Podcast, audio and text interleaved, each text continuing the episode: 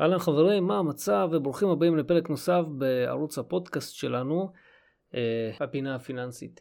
לומדים לעבוד עם כסף. אה, בפרק הזה אני רוצה לדבר איתכם היום ב...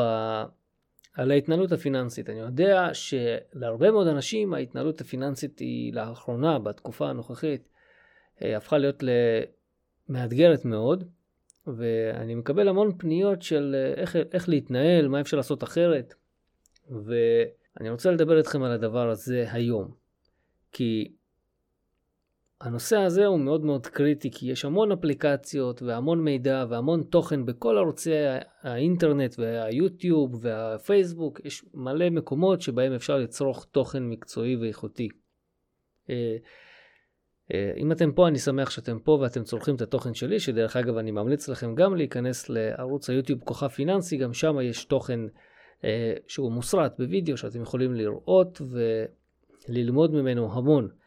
עכשיו, למה אני, רוצה, למה אני רוצה לעשות איתכם את הפודקאסט ולדבר איתכם דווקא על הנושא הזה של התנהלות פיננסית או כלכלית?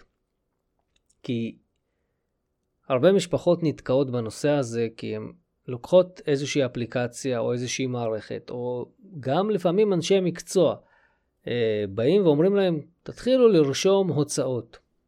ואני חושב שרישום הוצאות זה לא מספיק.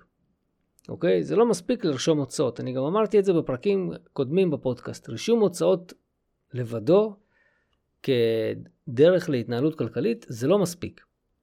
מה שצריך לעשות זה גם לרשום את ההוצאות האלה, נגיד חודש, חודשיים, שלושה חודשים, אבל אחרי זה, השלב הבא הוא בעצם להסתכל על ההוצאות האלה, לעשות איזשהו ממוצע, לראות מה, מה עשינו עם הכסף, לאן הכסף הלך, לנסות למצוא את המקומות אליהם הכסף זרם, וזה לא היה בתוכנית שזה יזרום לשם. אוקיי? אנחנו רוצים לראות את זה, אנחנו רוצים לראות איפה מעדנו. איפה מעלנו לעצמנו בכסף. איפה גנבנו לנו כשלא היינו צריכים לגנוב לעצמנו. כן, אני משתמש במילים כמו גניבה, אבל אל תתייחסו לזה באמת, כן? אבל זה, זה חשוב, כי אני רוצה להסתכל על חודשיים שלושה של התנהלות כלכלית, ואז להעתיק את ההתנהלות הכלכלית הזאת לחודש הבא, ולהסתכל איפה אני יכול להקטין הוצאה. אוקיי? זה התהליך. אני לוקח ממוצע תלת חודשי, מעתיק אותו לחודש הבא, ככה נגיד אה, סוף מאי, יש לי את שלושת החודשים האחרונים, פברואר, מרץ אה, ואפריל, יש לי התנהלות, או, או אה, מרץ, אפריל ומאי, יש לי את ההתנהלות של שלושת החודשים האלה, אני עושה ממוצע, ואני מעתיק את זה לחודש יוני, עוד לפני שחודש יוני התחיל. למה אני עושה את זה? אני עושה את זה כי אני רוצה להסתכל על חודש יוני, מה צפוי לי להיות מבחינת תוצאות. עד היום אני מניח שאתם מתנהלים ברמה כזאת שאתם רושמים את מה שהוצאתם. אני אומר, תשנו את הגישה, תרשמו את מה שאתם הולכים להוציא. זה שונה. זה מעבר מהתנהלות שהיא, החיים מנהלים אתכם, להתנהלות של אתם מתחילים לנהל את החיים שלכם ואת הכסף שלכם. כי אתם אומרים, את זה אני הולך להוציא בסופר, את זה אני הולך להוציא בחשבונות. לא הפוך. הלכתי לסופר והוצאתי. הלכתי לסופר והוצאתי, זה התזרים, זה מה שכבר עשיתם. עם זה אי אפשר לשנות את העתיד. עם זאת, אם תרשמו את מה שאתם הולכים להוציא, ואולי תוציאו פחות, עם זה כן אפשר לשנות את העתיד. אוקיי? זה חשוב להצלחה בהתנהלות הפיננסית שלכם. זה מאוד מאוד חשוב. ברגע שתתחילו להתנהל ברמה כזאת שאתם מנהלים את ההוצאה, ולא להפך, ההצלחה הפיננסית שלכם תגיע. מה שכן, זה לא מגיע בזבנג וגמרנו. זה לא התנהלות של חודש אחד. זה התנהלות אין סופית. ככה צריך להתנהל כל פעם, כל חודש. אוקיי? זה מאוד מאוד חשוב. כי הרבה חושבים שאם הם עושים את זה פעם אחת, זהו. מהיום והלאה הכל פיקס, אבל זה לא ככה. זה ממש לא ככה.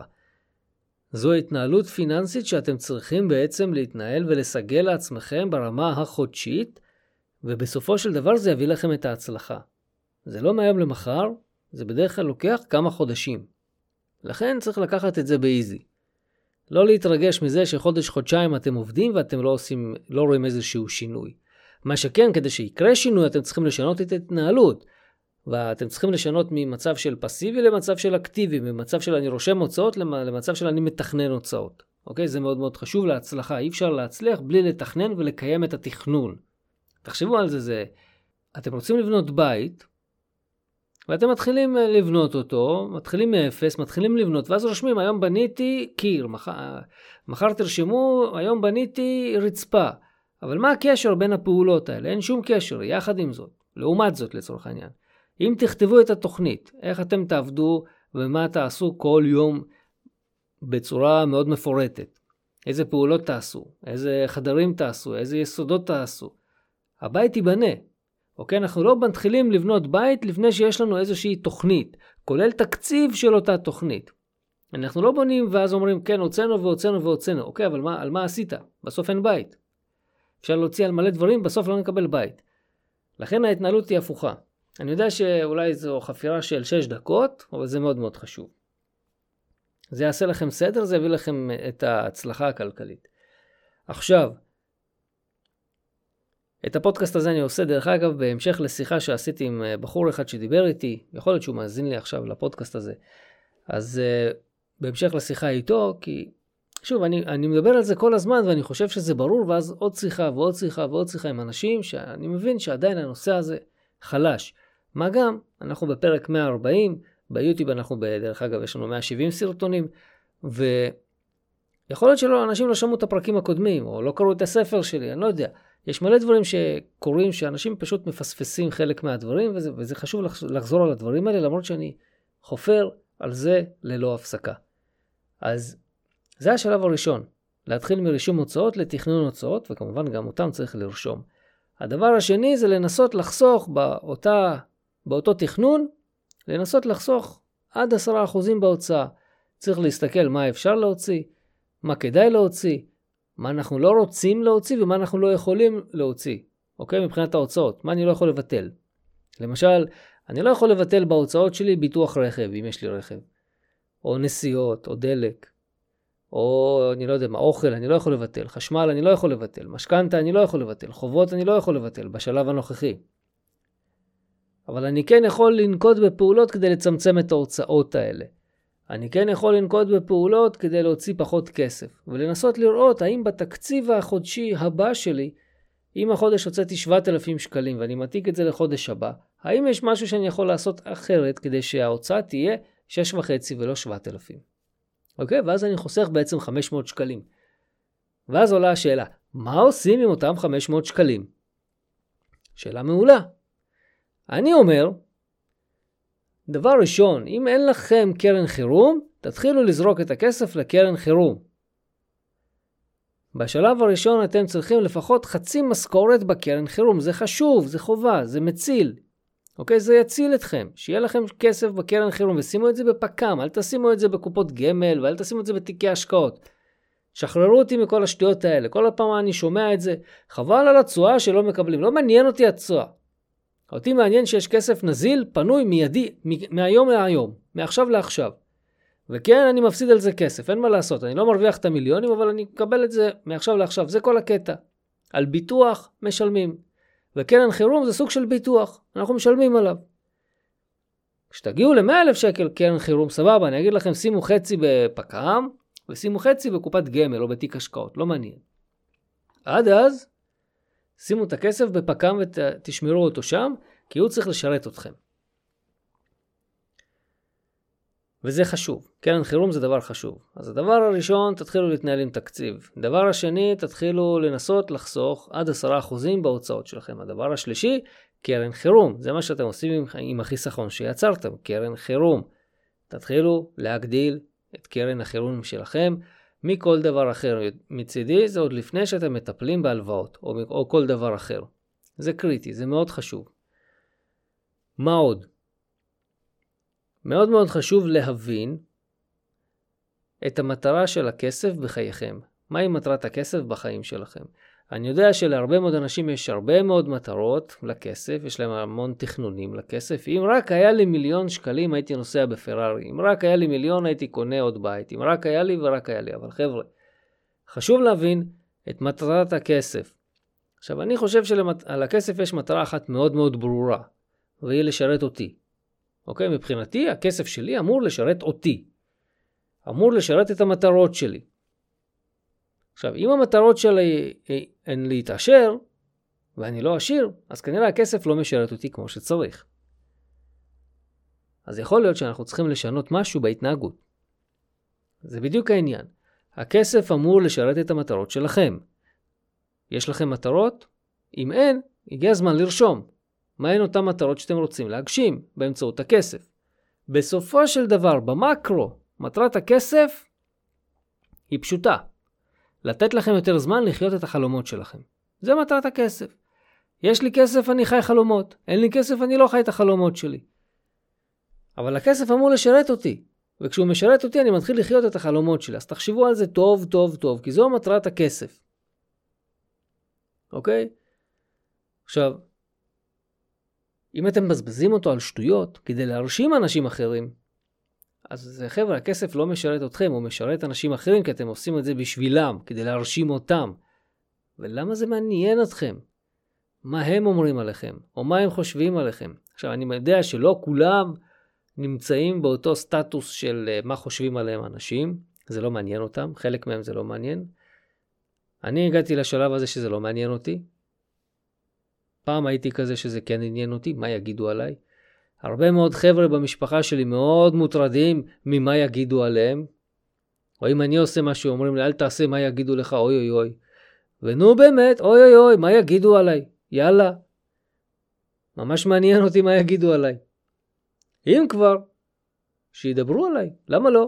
שידברו עליי הרבה. בשביל מה אנחנו חיים בעולם הזה? כדי שלא ידברו עלינו. אנחנו רוצים לדבר, אנחנו רוצים שידברו עלינו, אז שידברו. אז אנחנו עושים משהו שונה, אנחנו נראים שונים, אנחנו לא חלק מהבזבזנים,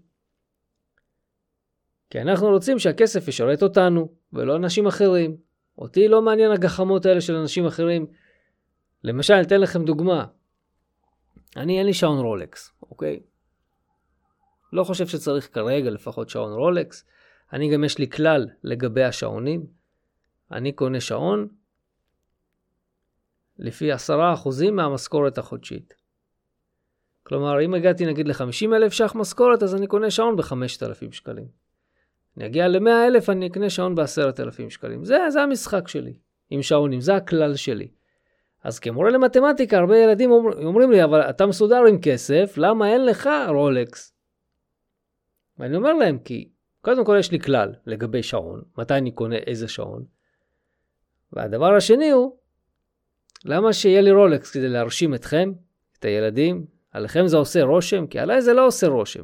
נכון ששעון מאוד מאוד יקר זה נושא שיחה. נכון ששעון מאוד מאוד יקר זה סטטוס, אוקיי? זה להיות עם אנשים שיש להם, אז זה קל יותר להיכנס לקהל הזה. אבל אני חושב שאם אתם אנשי מקצוע טובים, טובים במה שאתם עושים, גם בלי רולקס ייקחו אתכם. רולקס, מי ישמע? רולקס. פעם אמרו לי, אם יהיה לך אוטו יקר, אתה תוכל לחתום על כל עסקה. חבר'ה, היה לי מלא סוגי מכוניות, חתמתי על כל עסקה עם כל אוטו, אין לזה משמעות. אמרו לי, אם תגור בתל אביב, אתה תוכל לסגור עסקאות הרבה יותר בקלות. חבר'ה, אני גר בעפולה ואני סוגר עסקאות הרבה יותר בקלות. אין לזה שום משמעות. למה כן יש משמעות? למה שאנחנו מאמינים לו. אז תפסיקו להאמין לכל מיני שטויות. תנסו על עצמכם את הדברים ותראו מה עובד, מה לא עובד. ככה אני עובד. אז זה עניין של כסף. הוא אמור לשרת אותנו, ולא אנשים אחרים. ואני חושב שככל שתפנימו את הנושא הזה מהר יותר, ושוב, אני לא מכליל, למרות שאני מדבר על כולם, אבל אני לא מנסה פה להכליל. יש חבר'ה שהם סבבה, ויש חבר'ה שהם עדיין לא סבבה, וזה עניין של זמן. בסוף, אנחנו צריכים לשנות את התודעה, ואין מה לעשות, לא כולם משנים את התודעה, וזה בסדר. וזה בסדר גמור.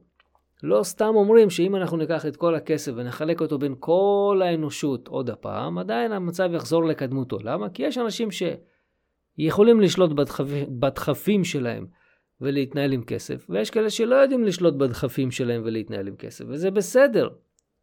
דרך אגב, אני חושב שגם זה וגם זה זה עניין של בחירה חופשית.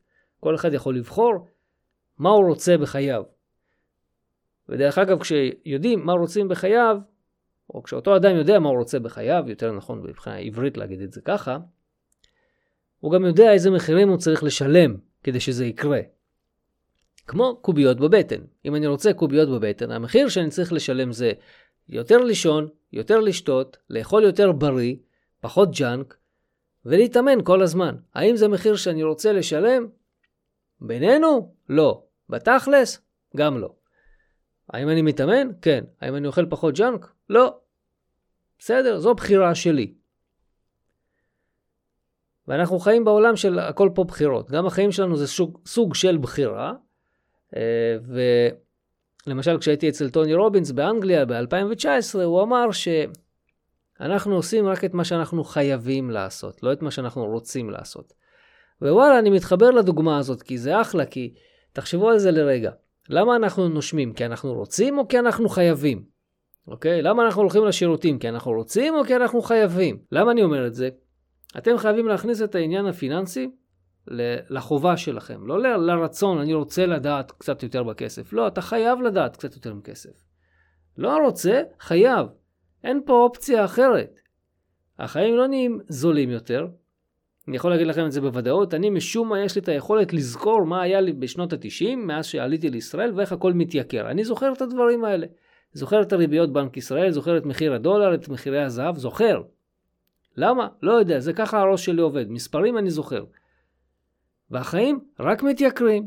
פעם עם 50 שקלים הייתם קונים עגלה מפוצצת באוכל, היום 500 שקלים זה בקושי כמה מוצרים בודדים בסופר. אין, הכל מתייקר. בצורה קיצונית.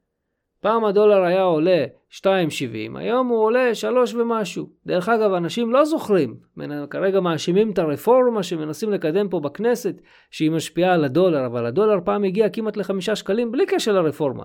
בשנות האלפיים, תרשמו את זה.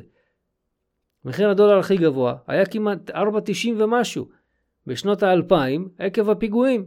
המצב הביטחוני הוא הרבה יותר גמור גרוע מהרפורמה שמנסים לקדם כאן מבחינת ההשפעה על הדולר. אנשים לא זוכרים את זה, אני זוכר. היו אומרים פעם שהדולר אף פעם לא ירד, אמרו, אמרו, היו אומרים את זה גם על הביטקוין, אמרו את זה גם על הנפט, אמרו את זה גם על הדירות, כרגע אומרים את זה על הדירות, והנה הכל, הכל משתנה. אבל אנשים לא זוכרים, לא משנה. תזכרו את זה. התחלנו עם הנושא הפיננסי. תתנהלו לפי תקציב, קרן חירום, תנסו לחסוך כמה שיותר כסף, ובסוף הכל יתחיל להסתדר לאט לאט. ואם לא מסתדר, חבר'ה, לא בושה לקחת איש מקצוע לפעמים. אנחנו לפעמים בבית יושבים, יש קצת נזלת, קצת חום, לוקחים אקמול. לא עובד, הולכים לרופא, הולכים לאיש מקצוע שאולי ייתן חוות דעת נוספת. לא להתבייש. לא להתבייש. תדאגו לעצמכם מבחינה פיננסית. אתם חייבים את זה לעצמכם. זהו. תודה רבה שהייתם איתי. מקווה שהייתי ענייני ומועיל.